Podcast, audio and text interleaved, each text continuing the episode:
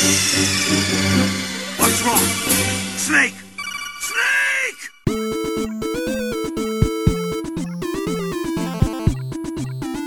Witamy w 25. odcinku Gorących Krzeseł. Jest to podcast poświęcony grom komputerowym, czasem też jakimś krzesłom, czasem jakiejś stolarce. Zobaczymy jak będzie dzisiaj. A ze mną e, powitajmy na kanale e, Krzysztofa Cerana. E, Cześć, to ja. E, I wspominałeś, że chcesz dzisiaj porozmawiać o jakichś strategiach? Co to w ogóle jest? Tak, bo pomyślałem sobie, że mamy taką nadzwyczajną sytuację, że nagrywamy tylko we dwóch, więc potrzebujemy jakiegoś takiego e, kameralnego, wręcz in, intymnego tematu. A taka strategia to wiesz, to jesteś tylko ty, komputer, 100-tysięczna armia, 200 tysięcy przeciwników. I od razu robi się tak nastrojowo. Tak, te krzyki umarłych, krew lejąca się po, po polu bitwy.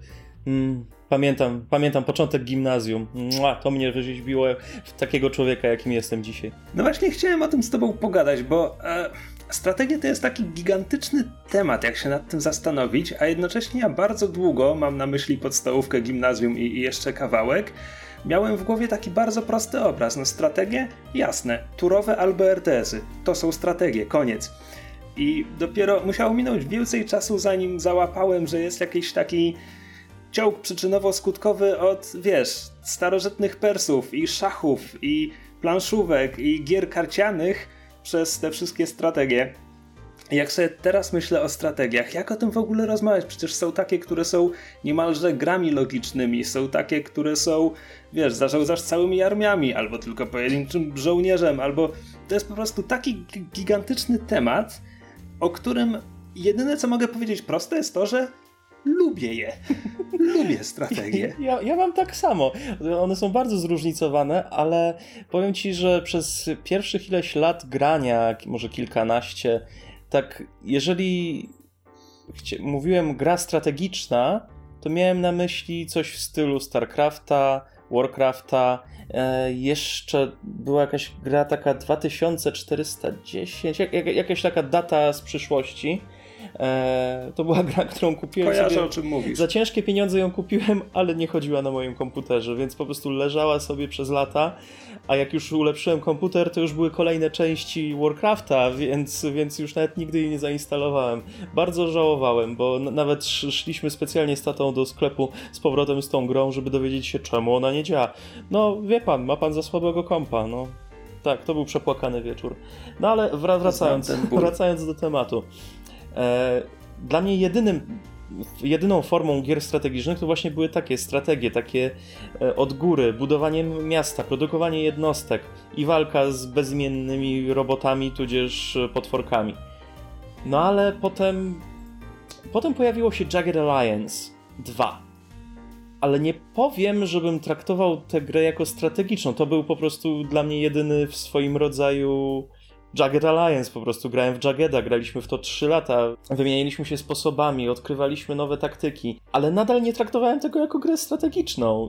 To, to było po prostu dla mnie, miałem postaci, była mapa i tam podbijało się miasta, ale, ale no mówię, nie patrzyłem na to z tej strony. Dopiero później, jak ten rynek się rozszerzył, jak ten, ten typ gier stał się bardziej jeszcze popularny i bardziej urozmaicony, wtedy, wtedy jakby zacząłem spoglądać na to z, z innej strony.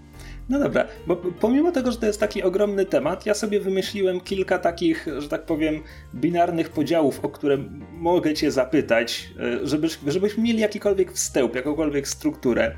Więc zacznijmy od początku. Turowe czy RTS-y? Czy masz jakieś preferencje w tej kwestii? W tym momencie turowe. Kiedyś bardziej RTS-y lubiłem, ale w tym momencie turowe zdecydowanie. Bo XCOM, bo XCOM, tak, to, to, jest, to dużo wyjaśnia. No ale przed chwilą sam mówiłeś o Jagged Alliance, którego grałeś naście lat przed tym XCOMem. Tak, lubiłem Jaggeda wtedy, to była jedna z moich ulubionych gier, ale nadal RTS-y były, by, były moim ulubionym gatunkiem jako takim. Okej. M- Muszę ci powiedzieć, że ja z RTS-ami nigdy się za bardzo nie lubiłem. To znaczy, z takich najbardziej klasycznych grałem, grałem w Dune 2. To jest jakby RTS jeszcze zanim ludzie mówili o RTS-ach, bo to jeszcze wyprzedzało Warcrafta. E, Grałem w drugiego Warcrafta odrobinę, grałem w trzeciego Warcrafta, chyba udało mi się przejść jedną kampanię, I to jest zasadniczo całe moje doświadczenie z takimi bardzo klasycznymi RTS-ami, bo tak to zawsze wolałem turówki jako te gry, gdzie mogę się zastanowić nad tym, co właściwie się dzieje, a nie po prostu klikać jak opełtany po, po całym ekranie. Ale wiesz, to e, ty, ciebie może zniechęca to, że naoglądałeś się może jakiś rozgrywek e, w StarCrafta, gdzie ludzie mają to po prostu wyćwiczone. Nie, nigdy ich nie oglądałem. A, no okej, okay. w każdym razie, jak przechodzisz zwykłą kampanię w, w powiedzmy w Warcraftie trójce, to ja nigdy nie czułem czegoś takiego, że o, o Boże, tyle rzeczy muszę zrobić i muszę klikać jak szalony. Nie, spokojnie sobie rozbudowałem, rozbudowywałem wszystko, budowałem drużynę, e, później jakieś dwa oddziały wysyłałem na zwiat, była jakaś walka. Owszem, jak się zaczęło coś więcej dziać, no to trzeba było jakoś zarządzić tym wszystkim, ale pod skrótami klawiszowymi miałem e, rodzaje jednostek przypisane i po, prostu dawałem rozkazy i, i to, nie, to nie było tak, że, że musiałem się jakoś wyjątkowo śpieszyć. Owszem, przy rozgrywkach internetowych jest, jest to szaleństwo, ale przy zwykłej kampanii nie. Jak wyjdzie teraz nowy Warcraft 3, to sobie go koniecznie e, kup, bo będzie zremasterowany. To mogę ale... ci polecić. Nie chcę. Znaczy, powiedziałem ci przed chwilą, że grałem w Warcrafta trzeciego. Ale przeszedłem pierwszą kampanię, cokolwiek to było. Przeszedłem pierwszą kampanię w StarCraftie, cokolwiek to było. Ja po prostu nie czuję gdzie jest strategia w strategii czasu rzeczywistego. No po prostu muszę sobie nabudować kupę jednostek i rzucić ją na przeciwnika. I to mnie jakoś niespecjalnie interesuje. W każdym razie, jeszcze, żeby nie wdawać się w takie szczegóły, e, więc, więc, no tak, jeszcze StarCraft. Więc to były takie jedyne czyste RTS-y, w które grałem. Tak poza tym są gry, które są nominalnie czasu rzeczywistego, ale w praktyce są kompletnie niepodobne do klasycznych RTS-ów, bo mam na myśli, no nie Total War, który warstwę strategiczną, przepraszam, gospodarczo-strategiczną maturową, ale same bitwy rozgrywasz w czasie rzeczywistym, ale z aktywną pauzą, chyba że jesteś masochistą i wyłączasz sobie tę opcję.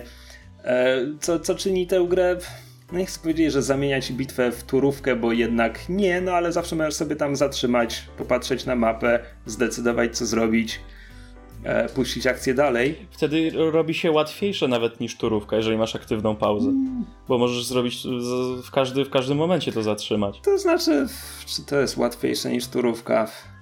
Jest inne. E, natomiast zagrywałem się też w Star Wars Rebellion, e, na niektórych rynkach znane jako Supremacy. To była taka strategia. Zasadniczo to była zrzynka z Master of Orion, z tego co wiem, tylko w ten cykl nigdy nie grałem.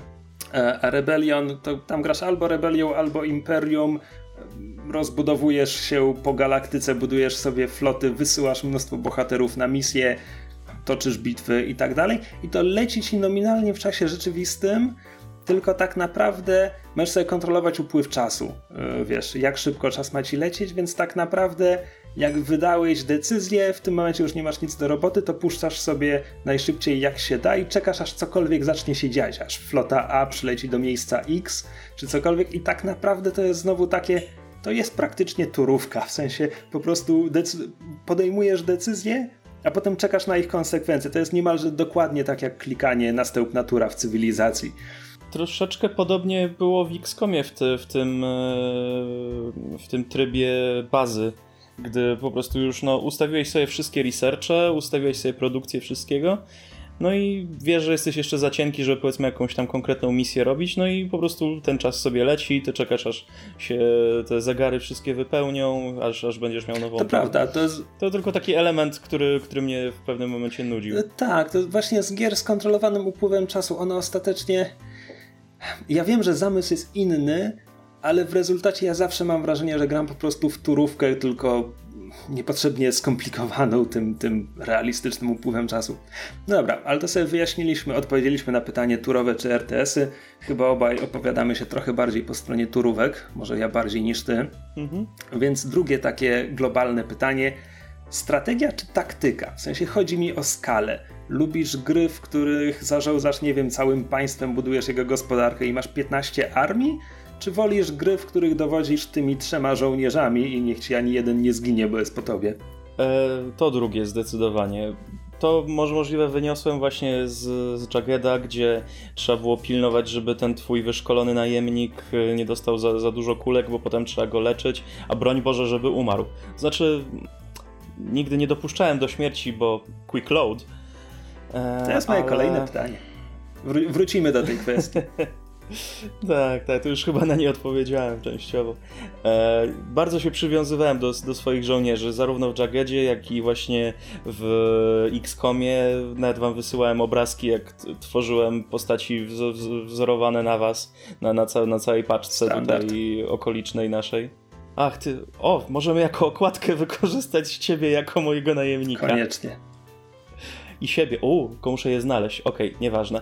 Zawsze mnie trochę denerwowało w tych właśnie Total Warach, w takich... Nie grałem nigdy w, w cywilizacji, kiedyś sobie zainstalowałem. Jakoś mnie ta, ta, ta właśnie taktyka, dyplomacja nie, nie pociągały za bardzo. E, przeszedłem Rome, Total War, pierwszy i drugi bodajże. Ciężko powiedzieć, przeszedłem, tak? Po prostu raz ukończyłem. Czekaj, drugi na pewno? Drugi to jest gra sprzed 5-6 lat. Po prostu wiem, że ty często narzekasz, że nie masz PC, na którym możesz grać w gry, a pamiętam, że Rzym 2 był mocno wymagający technicznie. No to pewnie nie grałem. To, to pewnie to była jedynka z jakimiś dodatkami. Tam były dodatki. Tak, tak. No. E, no to tą jedynkę sobie ograłem e, całkiem przyjemnie, ale strasznie dużo czasu to, na to poświęciłem i w inne gry wolałem grać po prostu. Także wolę, wolę takie właśnie jakieś turówki, gdzie mam konkretnych żołnierzy, których szkole, a a takie właśnie bezimienne armie, gdzie tysiącami polegają wszyscy na polu bitwy, to, to jednak nie dla mnie chyba. A ty? Mm -hmm. Wiesz co? Um, to znaczy tak. Nie mam nic przeciwko bezimiennym armiom tysięcy żołnierzy. Jakby lubię cykl Total War, Total War, nawet jeśli odpoczywam sobie od niego od w zasadzie Rzymu 2, którym się mocno rozczarowałem, a Warhammerów nie próbowałem, bo Warhammer to nie do końca moja bajka. E, natomiast raz na jakiś czas chętnie sobie gram w coś takiego, gdzie muszę zarządzać jakimś, jakąś dużą strukturą. Nie wiem, to moje. Ostatnio to chyba to byłoby Stellaris, które z kolei jest bliższe właśnie cywilizacjom i, i tak dalej. E, natomiast bardzo lubię gry taktyczne. W sensie mała drużyna żołnierzy, e, małe liczby przeciwników i, i zarządzanie tymi podejmowanie konkretnych decyzji na zasadzie, gdzie tu się schować, czy strzelić w tego przeciwnika, czy nie, to jest coś, co mnie automatycznie interesuje. W sensie, kiedy widzę zapowiedź jakiejś gry i jest to, że tak powiem, strategia na dużą skalę, to samo to samo w sobie to mnie nie interesuje. Kiedy widzę zapowiedź jakiejś nowej gry taktycznej na małą skalę z drużyną żołnierzy, to samo w sobie mnie interesuje. To nie oznacza, że sięgam po każdą, Grałeś w komandosów? E, masz na myśli tę grę z lat 90., gdzie drużyna komandosów morduje nazistów? Dokładnie. Grałem w demo komandosów, które było dla mnie zabójczo trudne e, wtedy, w latach 90.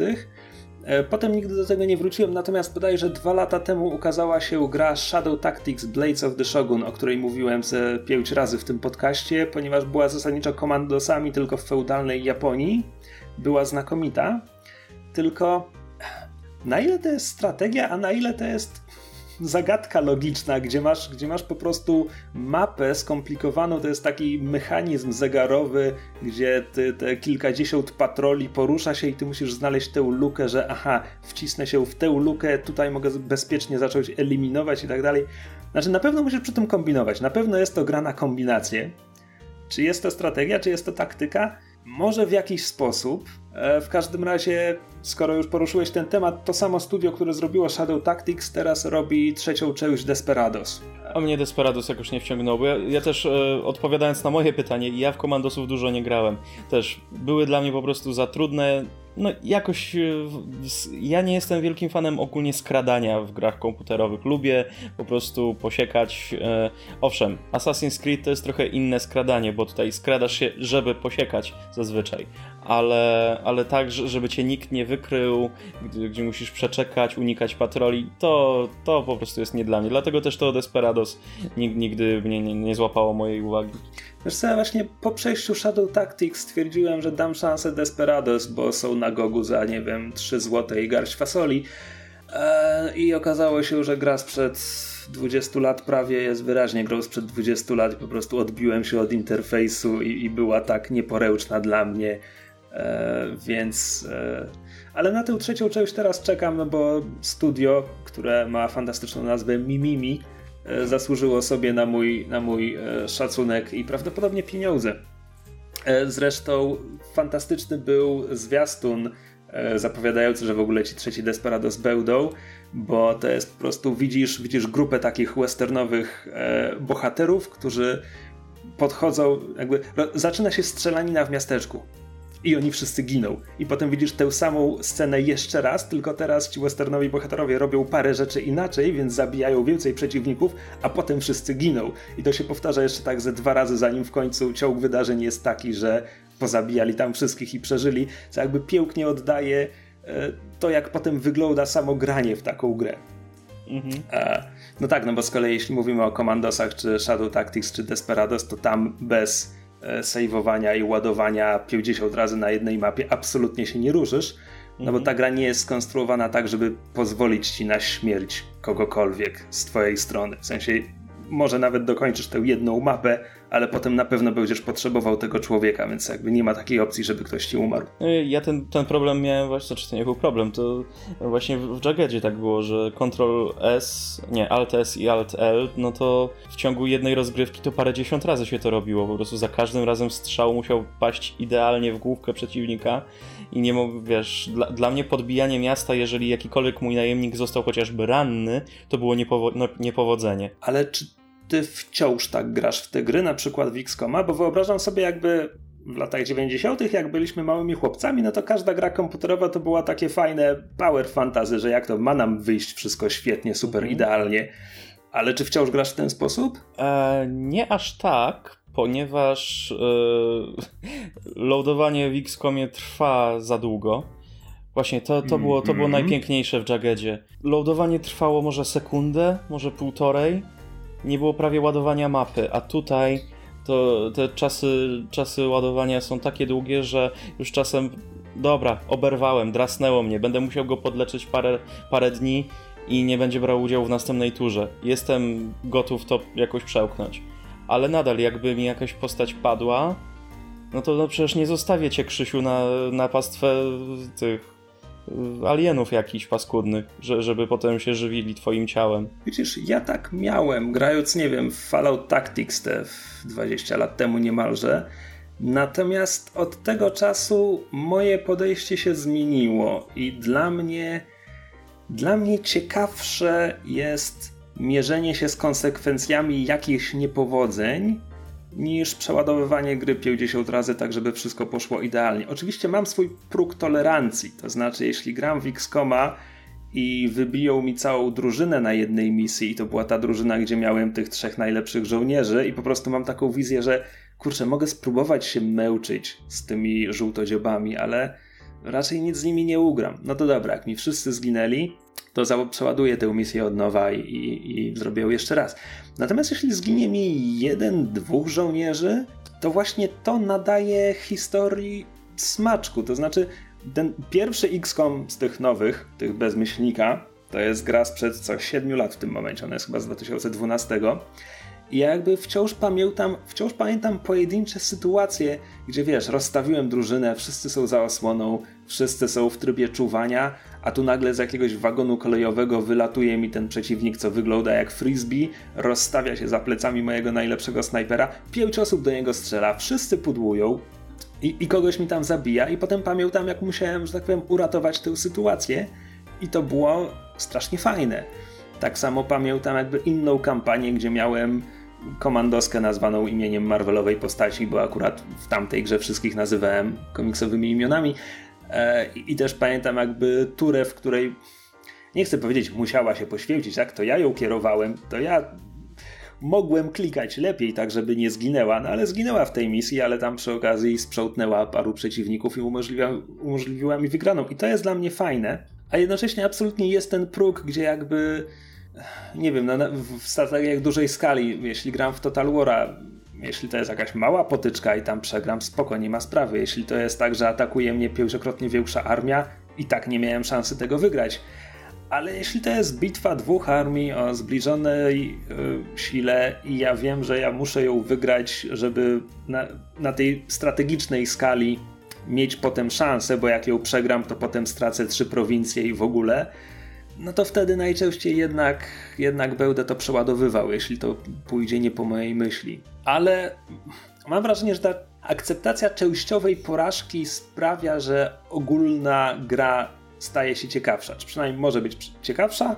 Przynajmniej dla mnie. Nie mówię, że tak jest obiektywnie, że, że wszyscy muszą tak grać. No każdy gra jak chce. Mhm. Natomiast to mnie prowadzi do kolejnego pytania. Mianowicie, już sobie niby rozmawialiśmy o setkach anonimowych żołnierzy, ale nawet w małej skali, nawet kiedy mówimy o takim XCOMie, w XCOMie sam nazywasz swoich żołnierzy, więc nie są do końca anonimowi, no ale są losowym zbiorem statystyk i jakiegoś charakteru, nie charakteru, przywiązujesz się do nich jak po paru misjach masz na przykład żołnierza, który zawsze trafia. Okej, okay, jak przeładowujesz, to on zawsze trafia, ale wiesz o co mi chodzi. Znaczy, ja nie przeładowuję jak on spudłuje, tak? Przeładowuję jak oberwie jakoś poważnie. No wiem. Ja pamiętam tę historię, jak się grało w Jageda w podstawówce, to wtedy chyba wyglądało to inaczej. Nie wskazując palcem. Mm. W każdym razie, e, kolejny. Zmieniłem się od tamtej pory. Możemy mieć tylko nadzieję, że stajemy się lepszymi ludźmi w trakcie naszego życia. Na pewno się zmieniamy. E, w każdym razie pytanie, które chciałem zadać brzmi: gdzie widzisz w strategiach miejsce dla takich bardziej, nazwijmy to, RPGowych herosów i bohaterów? W sensie takich, których gra ci daje. To znaczy, twórcy gry wymyślili, o, to będzie super komandos i my ci go damy, i on nie będzie anonimowy. To jest człowiek, który ma imię, y, dialogi, nie wiem, w, kam w kampanii. W sensie, czy, czy, czy lubisz te, te, tego typu gry? Nie wiem, mam tu na myśli na przykład w strategiach Blizzarda, on, one idą w taką RPGowość, no, zwłaszcza Warcraft, mhm. ale nawet StarCraft ma, ma Jima Raynora, StarCraft jest historią Sary Kerrigan. Jest tam 150 terrańskich komandosów, którzy są anonimowi i są bohaterowie tej gry. Możliwe, że to mi się właśnie spodobało w Warcraftie 3, właśnie ci bohaterowie dodatkowi, którzy levelowali, którzy się rozwijali i były też właśnie scenki filmowe, a nie po prostu ty tylko bitwy. Jakaś fabuła tam była i były właśnie jakieś odrobinę tych elementów RPGowych. Chciałbym też nawiązać właśnie na przykład e, do tego, że mm, turówka, masz postaci z historią Divinity Original Sin 2. No ale to mówimy już o RPG-u, RPG-u. Jest to RPG, ale same potyczki w, wewnątrz tej gry są mocno taktyczne, znaczy strategiczne, ponieważ musisz wziąć pod uwagę e, otoczenie, e, jakie tam występują elementy, czy, czy jest jakiś e, kałuża oleju, który można podpalić i te, też musisz do tego podejść z odpowiednią strategią. Właśnie w tym, w tym kierunku mam wrażenie, że trochę to idzie. Jeżeli następnego X-Koma byśmy dostali właśnie z możliwością wykorzystywania bohaterów takich bardziej fabularnych. W dodatku przecież, w dodatku mieliśmy coś takiego. Tak, i do, i do jedynki, i do dwójki e, były dodatki, gdzie był pakiet misji fabularnych, które koncentrowały się na konkretnej postaci, więc tam do jedynki to był jakiś chiński komandos, w dwójce jest na przykład ta twoja główna mechanik pojawia się jako, jako postać na misji, mhm. e, więc oni trochę eksperymentowali w tę stronę, no ale na bardzo małą skalę w porównaniu do nie wiem, Jageda, tak? W Jagedzie każdy twój najemnik przecież jest jakimś człowiekiem. Chociaż ja na przykład, ja w Jagedy prawie w ogóle nie grałem, więc ja na przykład nie wiem, czy tam mhm. te postaci są też że tak powiem, bohaterami fabuły, czy oni po prostu są żołnierzami, którzy mają imię i unikalny wizerunek? Oni byli żołnierzami, którzy mieli imię i, wizerunek. I było też coś takiego, że niektórzy konkretni najemnicy nie lubili się z innymi, e, albo odwrotnie, albo właśnie byli przyjaciółmi i oni wtedy lepiej współpracowali podczas misji. Bo to jest dla mnie kwestia, to się dla mnie bardzo wiąże z tym, e, jaki próg porażki jestem w stanie zaakceptować w grze bo mogę porównać tutaj na przykład X-komy do Fire Emblemów. Bo Fire Emblemy, Fire Emblemach tak jak w Jaggedach, każdy twój żołnierz na mapie ma swoje imię i unikalny wizerunek, ale ponadto oni wszyscy mają swoje dialogi, oni wszyscy mają potencjał, żeby, żeby zawierać e, relacje z innymi żołnierzami z drużyny i w miarę jak ta relacja postępuje, dostajesz kolejną scenkę między nimi co sprawia, że w Fire Emblemach dużo dłużej dużo dłużej mam cierpliwość do tego, żeby przeładowywać misję i wykonywać je jeszcze raz, jeśli ktokolwiek mi zginie, ponieważ ten ktokolwiek, ten, ten Jan Kowalski z mieczem jest Janem Kowalskim ze swoim jakby unikalnym portretem postaci i może mi gadać z pięcioma innymi postaciami, z którymi będzie się lubił, nie lubił, wykłócał i tak dalej. A w XCOMie, nawet jeśli bardzo lubię tego komandosa, którego mam od samego początku gry i on jest już na najwyższy stopniem i mam w pamięci jego najlepsze akcje, no ale jak mi zginie, to ginie mi jakby zbiór statystyk i tak dalej, a nie postać tak naprawdę. Więc w momencie, w którym mm -hmm. gra ma swoją fabułę i, i wtłacza ją w postaci, którymi kieruje, w jednostki, którymi dowodzę na polu walki, które mogą zginąć. To jest ten problem. Ja grając w RPG mam taką obsesję, żeby je nie tyle stuprocentować, nie stuprocentować w obecnym rozumieniu tego słowa. Nie szukam wszystkich znajdziek i piórek, ale chcę poznać wszystkie dialogi, które są w tej grze. A ten content, fabułę, to chcę poznać. I to mi się, to mi rzutuje bezpośrednio na tę strategię. Przykładem niech będą te Fire Emblemy. Jeśli Jan Kowalski z mieczem ma dialogi, chcę je poznać. Jeśli mi zginie, nigdy ich nie poznam. No a taki żołnierzyk w XCOMie, że tak powiem, z nikim się nie pogada. Więc jak mi zginie, no to trudno. Zdarzyło się. W XCOMie fabułę wypełniają mi po prostu te postacie, którymi akurat nie walczę. Także jakieś tam właśnie zwykłe dialogi z tą panią technik, która mi e, tworzy nowy sprzęt, albo z tym e, researcherem, który bada, bada alienową, alienową, e, obcą technologię. Tam, tam mam wystarczająco dużo fabuły. Akurat nie bolało mnie jakoś to, że że żołnierze same, sami w sobie nie mieli żadnych dialogów i fabuły. Tym bardziej, że ja sobie sam w głowie jakby tworzyłem tę fabułę, bo tak konstruowałem wygląd tej postaci, żeby mi się kojarzyła właśnie z konkretną osobą i też właśnie jak jechaliście na misję, no to ty z Kamilem gdzieś tam e, się, się biliście, ty byłeś technikiem, e, Kamil był wiesz, z ciężkim miniganem, E, i on, on cię, cię bronił, a ty hakowałeś e, wieżyczki na odległość. Także dla mnie tam już była jakaś dodatkowa fabuła w tym zawarta. No dobra, a tak wybiegając myślą w przyszłość, czy teraz są na horyzoncie jakieś strategie, e, które cię interesują, na które czekasz? A jeśli tak, to gdzie one się plasują właśnie na tych, że tak powiem, w tych wszystkich podziałach, o których sobie mówiliśmy? No ja zdecydowanie czekam na Phoenix Pointa. E Jestem trochę rozczarowany już na starcie i nie tylko ja, bo e, spojrzałem sobie dzisiaj na oceny tej gry jeszcze przed jej wypuszczeniem i to jest 3,7 na 10. Co, ale o czym ty mówisz? Jakie, jakie oceny? Na, jakiej podstawie ona jest oceniana? Na podstawie tego na przykład, że gra miała już wyjść parę miesięcy temu i przełożyli ją o rok. E, dodatkowo miała, ona jest sfundowana przez Kickstartera, a na dzień dobry będzie tylko na Epic Store.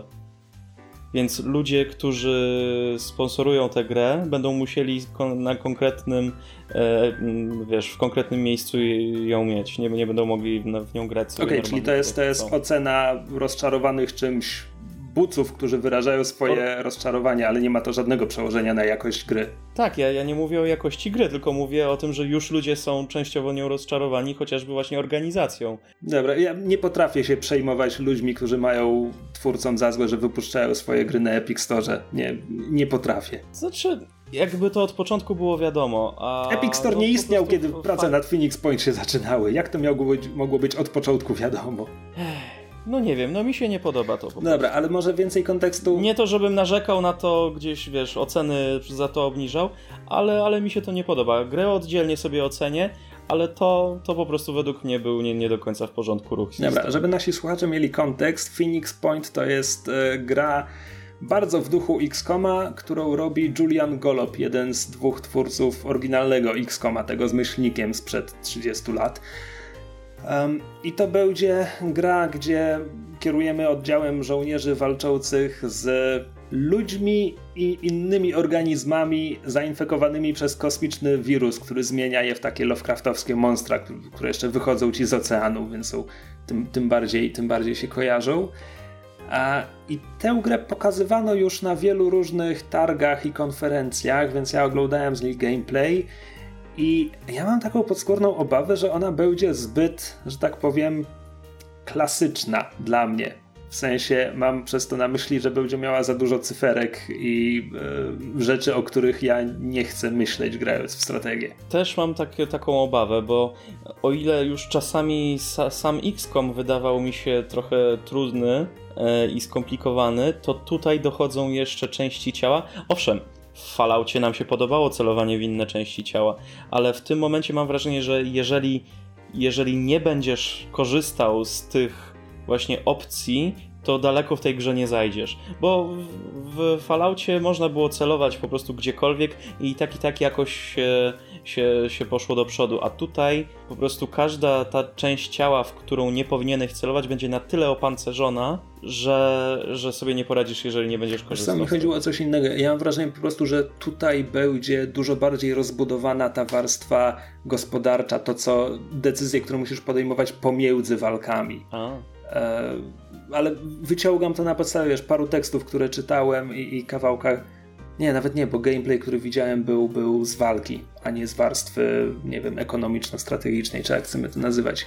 No w każdym razie na pewno czekam, na pewno jestem ciekaw recenzji ale ja z jakiegoś powodu odbiłem się od X-Koma drugiego. Jakby on mnie nie wciągnął tak jak jedynka, bo właśnie miałem wrażenie, że do tej warstwy ekonomiczno-strategicznej, tej pomiędzy walkami, dorzucili mnóstwo jakichś rzeczy, które ja nie rozumiałem, co się dzieje i, i, nie miałem cierpliwości, żeby zrozumieć. No to musiałbyś po prostu parę godzin więcej na to poświęcić, bo z, z czasem to wszystko się robi bardziej przejrzyste i tak jak powiedziałem, nudne. No właśnie. Dlatego ja nawet, no tak, i dlatego będę, za, będę zadowolony, jeżeli rozbudują te warstwy Aha, okej. Okay. Jeżeli będzie jeszcze więcej tego, co tutaj było nudne, to wtedy tak, przestanie być się nudne. to ciekawsze, będzie więcej do roboty, a nie tylko czekania, aż, aż się ukończy. Okej, okay, okej. Okay. No dobra, zobaczymy jak już to się ukaże, to, to zobaczymy, kto będzie miał rację. No ja na mojej liście strategii, na które czekam, miałem Total War Three Kingdoms, które wyszło w zeszłym tygodniu, więc już miało premierę, już zbiera bardzo dobre recenzje. W tym e, wiele głosów takich, że to jest ta część cyklu, która najbardziej go zmienia i to na nowe, ciekawe sposoby, więc pozostaje zainteresowany, a jednocześnie gra kosztuje na starcie 250 zł i ja mam takie um, nie, nie, dziękuję. No ja, ja też tak mam. Ja, ja nie mogłem się doczekać ostatnio na Mortala 11, mm, ale jak patrzę, że on prawie 300 kosztuje na PS-ie, no to jednak, jednak Tylko trochę Gry konsolowe mam wrażenie, że zawsze kosztowały w tych rzędach wielkości, a PC-towe jednak długo nie. Nawet, nawet te najdroższe AAA, jeśli to nie były edycje kolekcjonerskie czy coś tam, to jednak no, nieważne. Nie wiem. Inflacja, kapitalizm, inne zarazy. Ale to jest najbardziej jeszcze wkurzające w tym, że gry są coraz droższe, a i tak i tak zdecydowana ich większość ma teraz jeszcze jakieś specjalne systemy zarabiania dodatkowego wewnątrz no, gry. Tak. A dobra, to znowu wchodzimy na, na temat mikropłatności, które uważam, że są rakiem toczącym ten biznes cały. Cóż, to znaczy inaczej. Gdyby Total War czemu ja się wywracam na tym tytule? Gdyby nowy Total War miał być grą, którą sobie kupię i będzie jedyną grą, w którą gram przez kolejne 3-4 miesiące, to bym to zrobił. Tylko, że ja już tak nie gram w gry komputerowe. W sensie, raz, że w ogóle mam mniej czasu, mm. więc strategia, gdzie wiem, że żeby wyciągnąć z niej wszystko, musiałbym poświęcić jej sto kilkadziesiąt godzin i pewnie rozegrać kilka kampanii, a przynajmniej zacząć kilka kampanii, bo inaczej zobaczę tylko ułamek całej zawartości gry. Ja nie mam na to czasu w tym momencie, więc chętnie się przekonam, jak ten Total War wyszedł, ale prawdopodobnie poczekam pół roku, rok, aż będzie miał jakąkolwiek przecenę. Chociaż Total Wary nigdy nie. One nigdy nie są tanie, nawet te Warhammery, jakby śledziłem ich ceny i one tam na największych przecenach może spadały o stówę. I pewnie Total War Three Kingdoms tańsze o stówę kupię za rok. Ale, ale Warhammery mnie na tyle nie interesowały. E, jeszcze jakieś tytuły, na które czekasz? E, no, czekam na Warcraft. A, no tak, to ma być w tym roku, prawda? Po raz, po raz 90 po, przejdę sobie tę grę, zobaczę jak, jak ona mogła wyglądać, jak, jakoś poprawiona. E, a do tego. Bo oni mają ruszyć, oni mają nie ruszać mechaniki, prawda? To ma być tylko remaster graficzny. Tak, tak. Rozgrywka i, i fabuła zostają takie same. E, remaster będzie tylko graficzny. E, ty pewnie będziesz czekał na nowy Fire Emblem. Tak, Houses. ale nowy Fire Emblem Three Houses. Czemu te wszystkie gry mają 3 w tytule? Three, three. Jest taki, jest taki e, ćwiczenie, żeby wypowiadać tę dyftong. Jest 30 Thieves, nie? Ja na nim zawsze wywracam. E, w każdym razie nowy Fire Emblem będzie tylko na Switcha. Ja w tym momencie nie mam Switcha i pewnie go sobie kiedyś kupię, żeby zagrać w tego nowego Fire Emblema, ale na razie ogrywam w... Możesz, możesz też się uśmiechnąć do, nas, do naszego przyjaciela Adama. Wiesz co, ja Fire Emblemy ogrywam przez pół roku, bo to nie jest gra, do której siadam i w, w każdy wieczór. Wątpię, żeby nasz przyjaciel Adam chciał okay. mi pożyczyć swojego Switcha na pół roku. No jest to mało prawdopodobne. Jeszcze jedna gierka będzie fajna, e, Age of Wonders Planetfall o ile Age of Wonders mnie zawsze e, pociągał, bo podobała mi się gra, bo była trochę podobna do Heroesów. Kurczę, ja myślę o jakimś zupełnie innym tytule w takim wypadku. Masz miasto, masz widok mapy miasta i przemieszczasz między nimi e, bohaterów i te i jednostki. Rozbudowujesz te miasta. A, czekaj, czekaj, to ja myślę o czymś zupełnie innym. Ty o Age of Empires może myślisz? Pewnie tak. Age of Empires też nowy I będzie. I to jest RTS. Znaczy, to, to be determined, tak, to, to jest RTS, ale Age of Wonders Ty, jest RTS. Tak, no teraz już, już sobie googlam, już to widzę. I będzie duża zmiana w tej grze, bo w końcu wyrwą się tak jakby z, z wieków średnich i będzie to Age of Wonders Planetfall, gdzie kolonizujesz nową planetę i technologia jest na, na wysokim poziomie. Także trochę, trochę setting zmieniają. Okej, okay, ciekawe. Trochę, bardzo zmieniają setting. Ja w to chyba grałem, ja chyba grałem w pierwsze Age of Wonders. Patrzę sobie na screeny.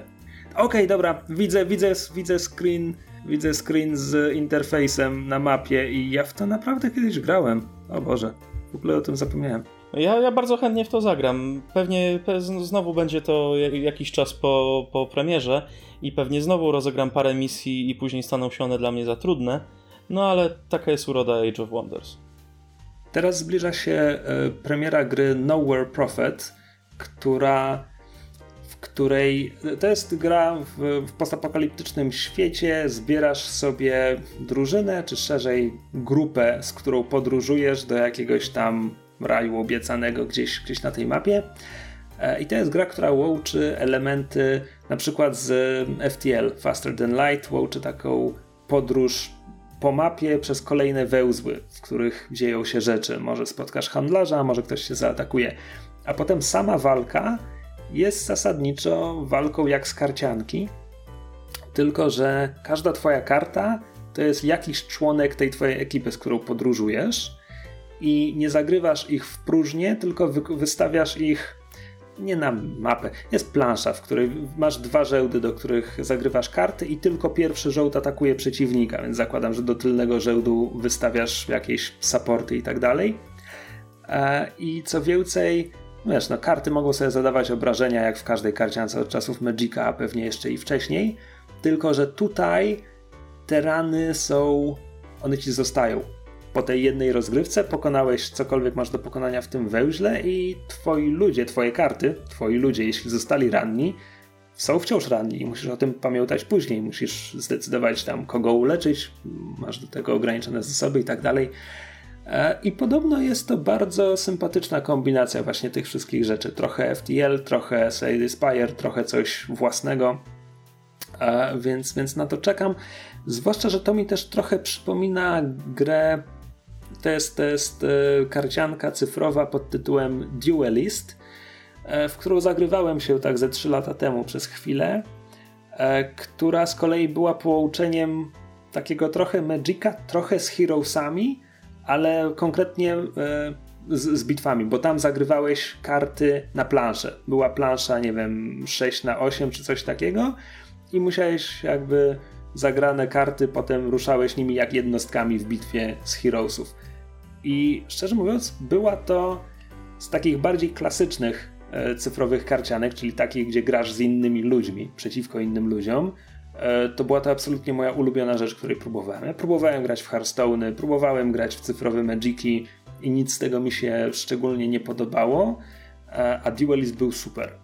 Tylko, że to jest znowu ten problem, że grasz, jakby gra jest za darmo, ale musisz grać mnóstwo i jeszcze więcej, żeby zdobywać nowe karty i możesz grać tylko z innymi ludźmi, więc musisz być zawsze w internecie i tak dalej, więc że tak powiem, te niewygodne elementy ostatecznie, ostatecznie przeważyły i przestałem w to grać.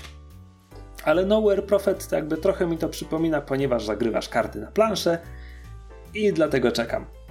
A ja chyba niedługo dam e, szansę e, nowej grze, e, nowej jak nowej, e, w świecie Wiedźmina. Masz na myśli y, to Tron E, we krwi? Tak. Bo mój znajomy z pracy w to grał i, i bardzo polecam. Mhm. Ja się tym interesowałem przez chwilę, ale ja nigdy nie polubiłem Gwenta w trzecim Wiedźminie. I chociaż potem czytałem, że w Tronie we krwi ten Gwent jest przerobiony, jest na trochę innych zasadach i tam też jest, wiele takich, um, że tak powiem, specjalnych scenariuszy, które rozgrywasz. To nie są po prostu, że rozgrywasz jeden mecz w Gwenta za kolejnym, tylko masz jakby tutaj musisz użyć tych konkretnych kart, tutaj przeciwnik już ma coś na planszy i w ogóle, więc to są bardziej takie problemy stworzone z góry przez twórców gry niż po prostu gra w Gwenta. Zaprojektowana rozgrywka, która ma wykorzystać konk- konkretną No właśnie, tak, umiejętność. tak, tak, więc byłem tym trochę zainteresowany. Mi, mi nawet pasował. Mi nawet pasował ten, ten Gwent z Wiedźmina 3. To bardzo przyjemnie mi się w to grało i za, za każdym razem jak przechodziłem, to, to musiałem ograć wszy- wszystkich mistrzów po kolei. Wiele podejść, wiele podejść, ale, ale, ale no po prostu lubiłem tę tę rozgrywkę, taka cienka mi Mhm. pasowała. Ja słyszałem, że w tym trzecim Wiedźminie, że to był taki punkt, po którym ten Gwent już był, że mechanicznie był popsuty, że w sensie był taki punkt, że miałeś już tyle kart i były to tak dobre karty, że zasadniczo nie mogłeś z nikim przegrać. Mm, Jeśli jest taki punkt, to ja do niego nie doszedłem, bo wydawało mi się, że już miałem wymaksowaną talię. Wsz- Wszystkie karty, jakie chciałem dostać, już miałem. E, No i po prostu potem szedłem na turniej i no zdarzało mi się nie wygrać. Powiem tak, zdarzało mi się wygrać. O, w ten sposób. Często było tak, że dostawałem w ciry. Może po prostu jestem słabym graczem, tak? Ale nie wydaje mi się. Bo ta gra, ta, każda ro- rozgrywka ma w sobie tyle losowości, jednak, że, że, że, że nie da rady ustalić takiej talii, która wszystkich pokona. Ja mam jeszcze jeden tytuł, na który czekam. Głównie dlatego, że od paru miesięcy, a może już od roku, mam zajawkę na wielkie roboty, konkretnie mechy, która zaczęła się od e, gier strategicznych Into the Breach i Battletech, przy których w zeszłym roku spędziłem mnóstwo czasu. Właśnie chciałem zagrać w Battletecha, ale niestety w żaden sposób nie, nie chciało mi to ruszyć na kompie. Zda- zdarza się. E, w każdym razie na przecięciu tych, e, znaczy nie na przecięciu, żeby to było przecięcie, muszę jeszcze wspomnieć grę pod tytułem Frozen Synapse, która doczekała się sequela chyba w zeszłym roku, albo nawet już w tym, w którego nie grałem, ale oryginalny Frozen Synapse to jest gra na małą skalę, bo tam kierujesz tylko kilkoma żołnierzami, ale to jest strategia turowa z tego rodzaju, gdzie ty wydajesz rozkazy swoim jednostkom, a komputer w tym samym czasie robi to samo, albo żywy przeciwnik, jeśli grasz po sieci, a potem klikasz OK, gotowe i komputer lub żywy gracz robi to samo i tura rozgrywa się jednocześnie, w sensie jednostki twojej przeciwnika ruszają się jednocześnie, wykonując ten plan, który dla nich ułożyłeś, zakładając, że przeciwnik zrobi to, a potem patrzysz, co się dzieje i okazuje się, że przeciwnik robi coś zupełnie innego, a potem znowu planujecie przez pół godziny, klikacie i patrzycie przez 5 sekund, co się dzieje. E, więc teraz na przecięciu wielkich robotów i tych, tego systemu gier e, symultanicznych tur, to chyba tak to się nazywa, jest powstająca gra pod tytułem Phantom Brigade, e, która jest, e, że tak powiem, dokładnie tym. To znaczy, ja nie miałem o niej pojęcia, przypadkiem w zeszłym tygodniu trafiłem na, na news na stronie PC Gamera. E, to jest po prostu gra, w której będzie się kierowało małą drużyną mechów i ona jest turowa, ale symultaniczna, to znaczy planujesz sobie, co twoje mechy zrobią w trakcie tych 5 czy tam 20 sekund i klikasz i patrzysz, co się dzieje. I to jest pokazane na przykładzie. E, jest, jest nagranie, jak wiesz, planujesz, że dobra, mechy są za tymi dwoma budynkami, przeciwnik nadchodzi z drugiej strony, no to teraz planujesz turę, że mechy wyjdą za tej osłony, oddadzą kilka salw i znowu schowają się za nią z powrotem. Tylko, że jeśli źle to zrobisz, to może się okazać, że jeden z twoich mechów wpadnie na drugiego i one się potkną i wtedy nie zdążą się schować i zostaną wystawione, a przeciwnik w ogóle nie zaatakuje od przodu, tylko zacznie cię wiesz, obchodzić. I potem w następnej turze masz nagle dwa mechy, które są splątane ze sobą na ziemi i przeciwnika, który zaszedł cię z boku. Tę część o potykaniu i przewracaniu wymyśliłem, nie wiem czy tak będzie w tej grze, ale w Battletechu można było przewracać mechy. Myślę sobie, że przewracanie mechów jest bardzo ważnym elementem gry o mechach, więc nie wyobrażam sobie, żeby Phantom Brigade tego nie miało. No jeżeli walczysz z większym przeciwnikiem, no to najważniejsze, żeby go przewrócić. No, oglądaliśmy Star Warsy, oglądaliśmy Attack on Titan. No tak właśnie, to tak, tak to po prostu jest, tak to bywa. Masz jeszcze jakiś tytuł, na który czekasz? W tym momencie, jeżeli chodzi o gry strategiczne, to chyba nie. Phoenix Point jest tym moim światełkiem. Ty zawsze mówisz o tym światełku w tunelu, to zawsze brzmi tak strasznie smutno, że jakby dookoła są same beznadziejne gry i tylko czekasz na coś na horyzoncie. I... Czy są gry, które mogę wy wypróbować, ale są takie, na które czekam, że wiem w zasadzie, że się nie zawiodę. Bo naprawdę było mi bardzo smutno z powodu Fallouta. I po prostu są takie gry, po prostu jest to coś na horyzoncie, co na co jeszcze trzeba poczekać, a w międzyczasie no, wypełniam sobie growy świat y, takim, taką odyseją asasyna, czy coś w tym stylu. Okay. Dla mnie określenie światełko w tunelu nie, nie ma a, aż tyle smutku. Aha, okej, okay, no bo ja słyszę światełko w tunelu i myślę sobie o człowieku, który jakby znikąd nadziei, tylko tam gdzieś na horyzoncie może ktoś mu pomoże, a tak w ogóle to syf i malaria dookoła. Nie aż tak. Okej, okay, dobra. Ale większość gier obecnie na rynku jest takich, niestety, no nie, no, i malaria. Jest tyle świetnych gier. Ja po prostu, ja bym chciał nie musieć pracować, żeby mieć czas ogrywać. Jest mnóstwo znakomitych gier. Też bym chciał mieć więcej czasu na granie i, i chciałbym też, żeby obowiązki domowe nie, nie cierpiały z powodu grania, no ale cóż, no. Żyjemy w takim świecie, w jakim żyjemy, gdzie gracze nie, nadal będą dyskryminowani w warunkach A, domowych. Okay, to zapełzamy się już w jakieś bardzo dziwne rejony. Dobra, ja mam na koniec jedno pytanie. Czy są jakieś, że tak powiem, wymarzone strategie, jakieś gry, których nie istnieją, nikt ich nie robi, a przynajmniej nikt nie powiedział oficjalnie, że je robi, ale czy są strategie w które chciałbyś kiedyś zagrać, chciałbyś, żeby kiedyś były, na przykład gry rozgrywające się w konkretnym uniwersum, albo gry, które będą wyglądać w jakiś określony sposób. Chciałbym X-Koma w świecie Warcrafta. Warcrafta? To ciekawe. Znaczy, to jest dla mnie ciekawe o tyle, że jednak w Warcraftie biją się głównie na miecze i topory, a ja zawsze mam takie wrażenie, że ten model gry z X-Koma tak nie jest szczególnie ciekawy, kiedy się go przełoży na wre- walkę wręcz. Ale zapominasz, że w Warcraftie są krasnoludy, którzy, którzy bronią. No dobra, ale to, to czy w takim wypadku miałby to być po prostu e, Warcom, w którym sterujesz drużyną krasnoludów? Chciałbym, żeby. Hmm, jak zaczynasz kampanię w Warcraftie, no to masz kolejne misje, prawda? Więc żeby ten ekran po prostu, gdzie normalnie ci tam w zależności od kampanii wyskakuje ci jedna postać na, na, na środek i masz do wyboru misję, to żeby te misje były rozdzielone też właśnie e, takim ekranem X-komowym, gdzie można sobie technologię rozwijać, żeby nie trzeba było ich za każdym razem od nowa upgrade'ować, że wiesz, ten podstawowy miecz, potem ulepszony miecz i potem mistrzowski miecz, który można ulepszyć tylko w tym budynku, który najpierw trzeba wybudować, ale możesz go wybudować dopiero, gdy wybudujesz tamte budynki.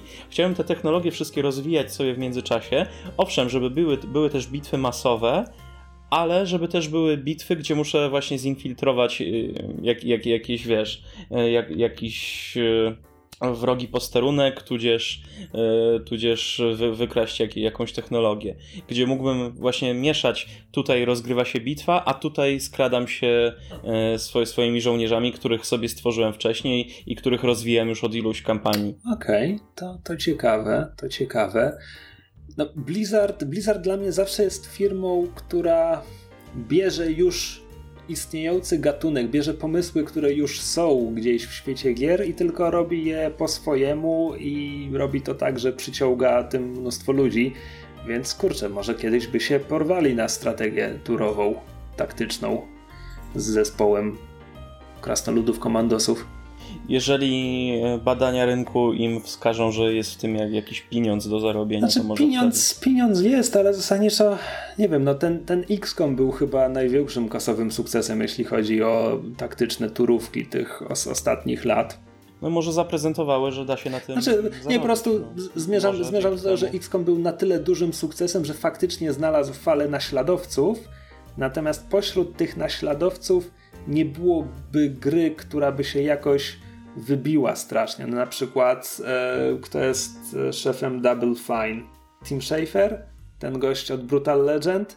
E, no to, to jego studio wydało grę pod tytułem Massive Chalice, które było takim fantazy X-comem z jakimiś wymyślonymi przez nich jakby tam chodziło o to, że musiałeś parować swoich żołnierzy w pary, żeby dochowywali się dzieci i potem te dzieci walczyły i, i tak dalej, i tak dalej. To szło przez pokolenia. Wow.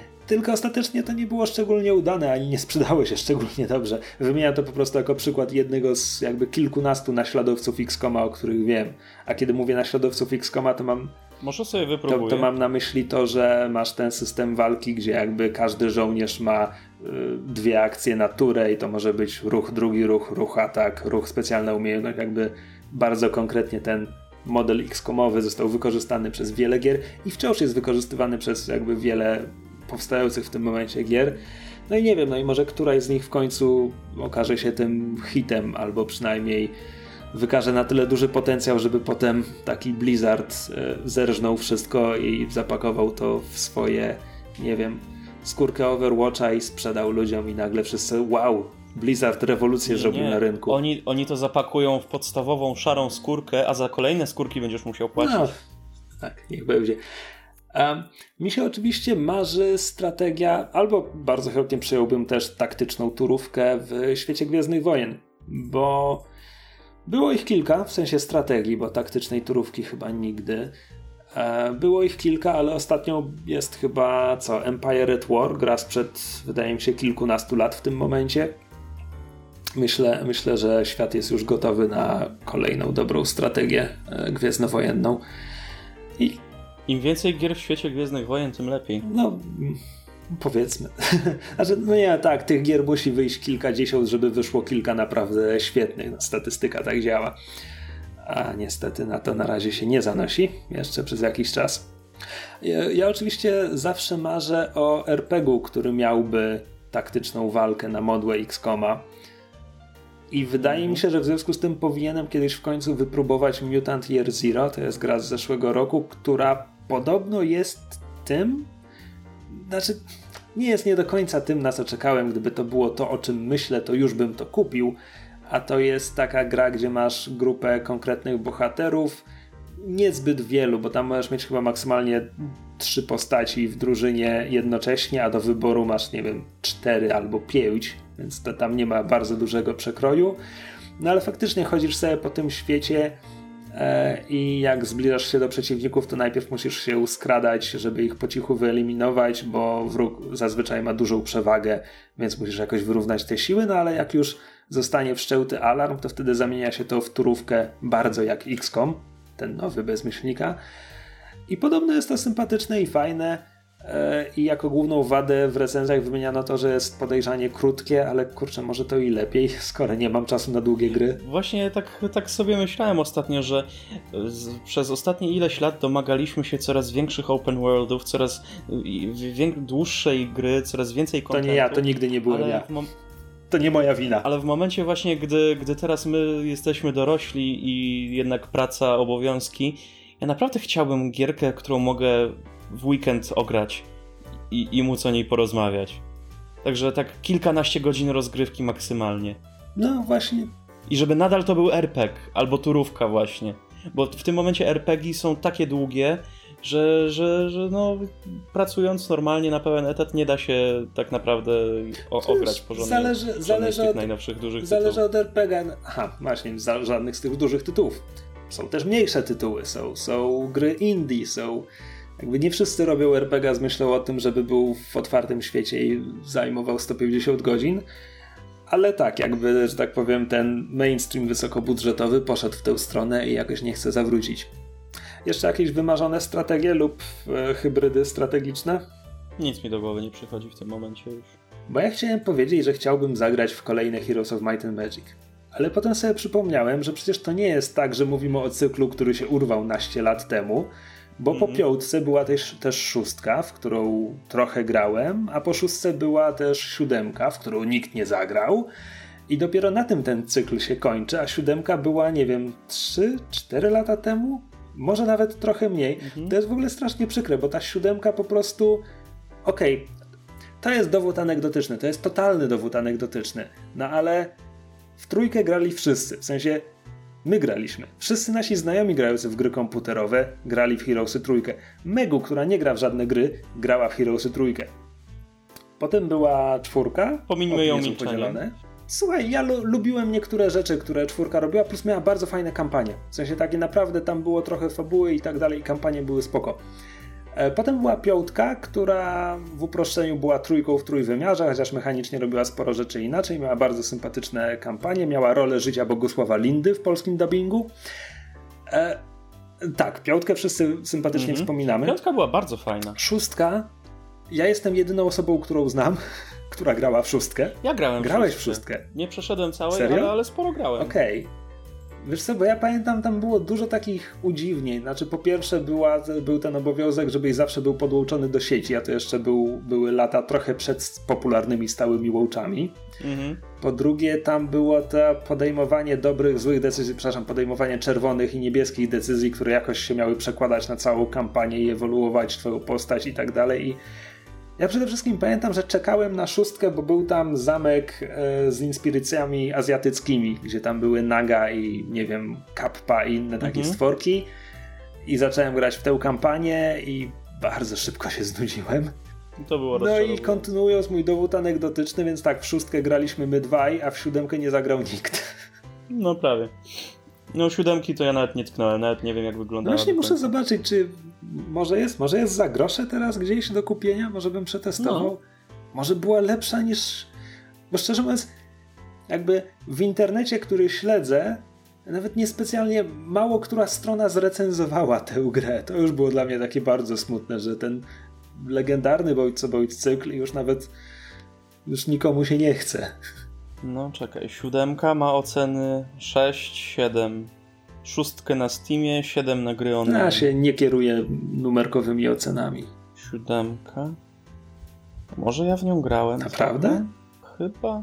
Nawet nie pamiętam już szczerze No to jeśli w nią grałeś i nawet nie pamiętasz, to to też nie jest szczególnie dobre, dobra rekomendacja. Tak, to, to nie jest dobra ocena tej gry. No dobra, więc może jakby zatrzymajmy się na tej tajemniczej siódmej części Heroes of Might and Magic. Mhm. E, niech pozostawmy takie niedopowiedzenie. Może w nią graliśmy, może nie. Może słuchacze w nią grali, może nie. Umówmy się, pewnie nie.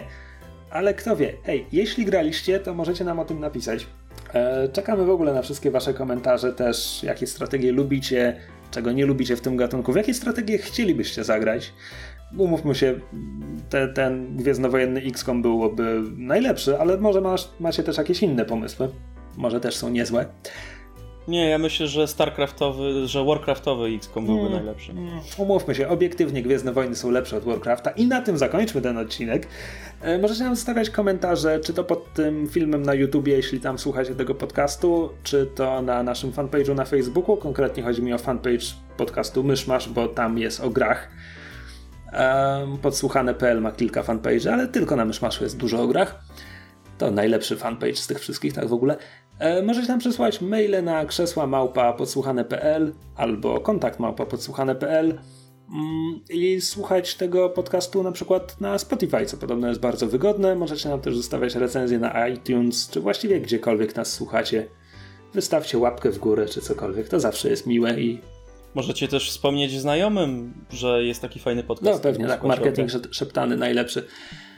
Puk, puk, puk, dzień dobry. Czy, czy, mogę, czy mogę z panem porozmawiać o krzesłach? Czy słyszał pan już dobre słowo o krzesłach? Dzięki wam za uwagę. Cześć. Na razie, do usłyszenia.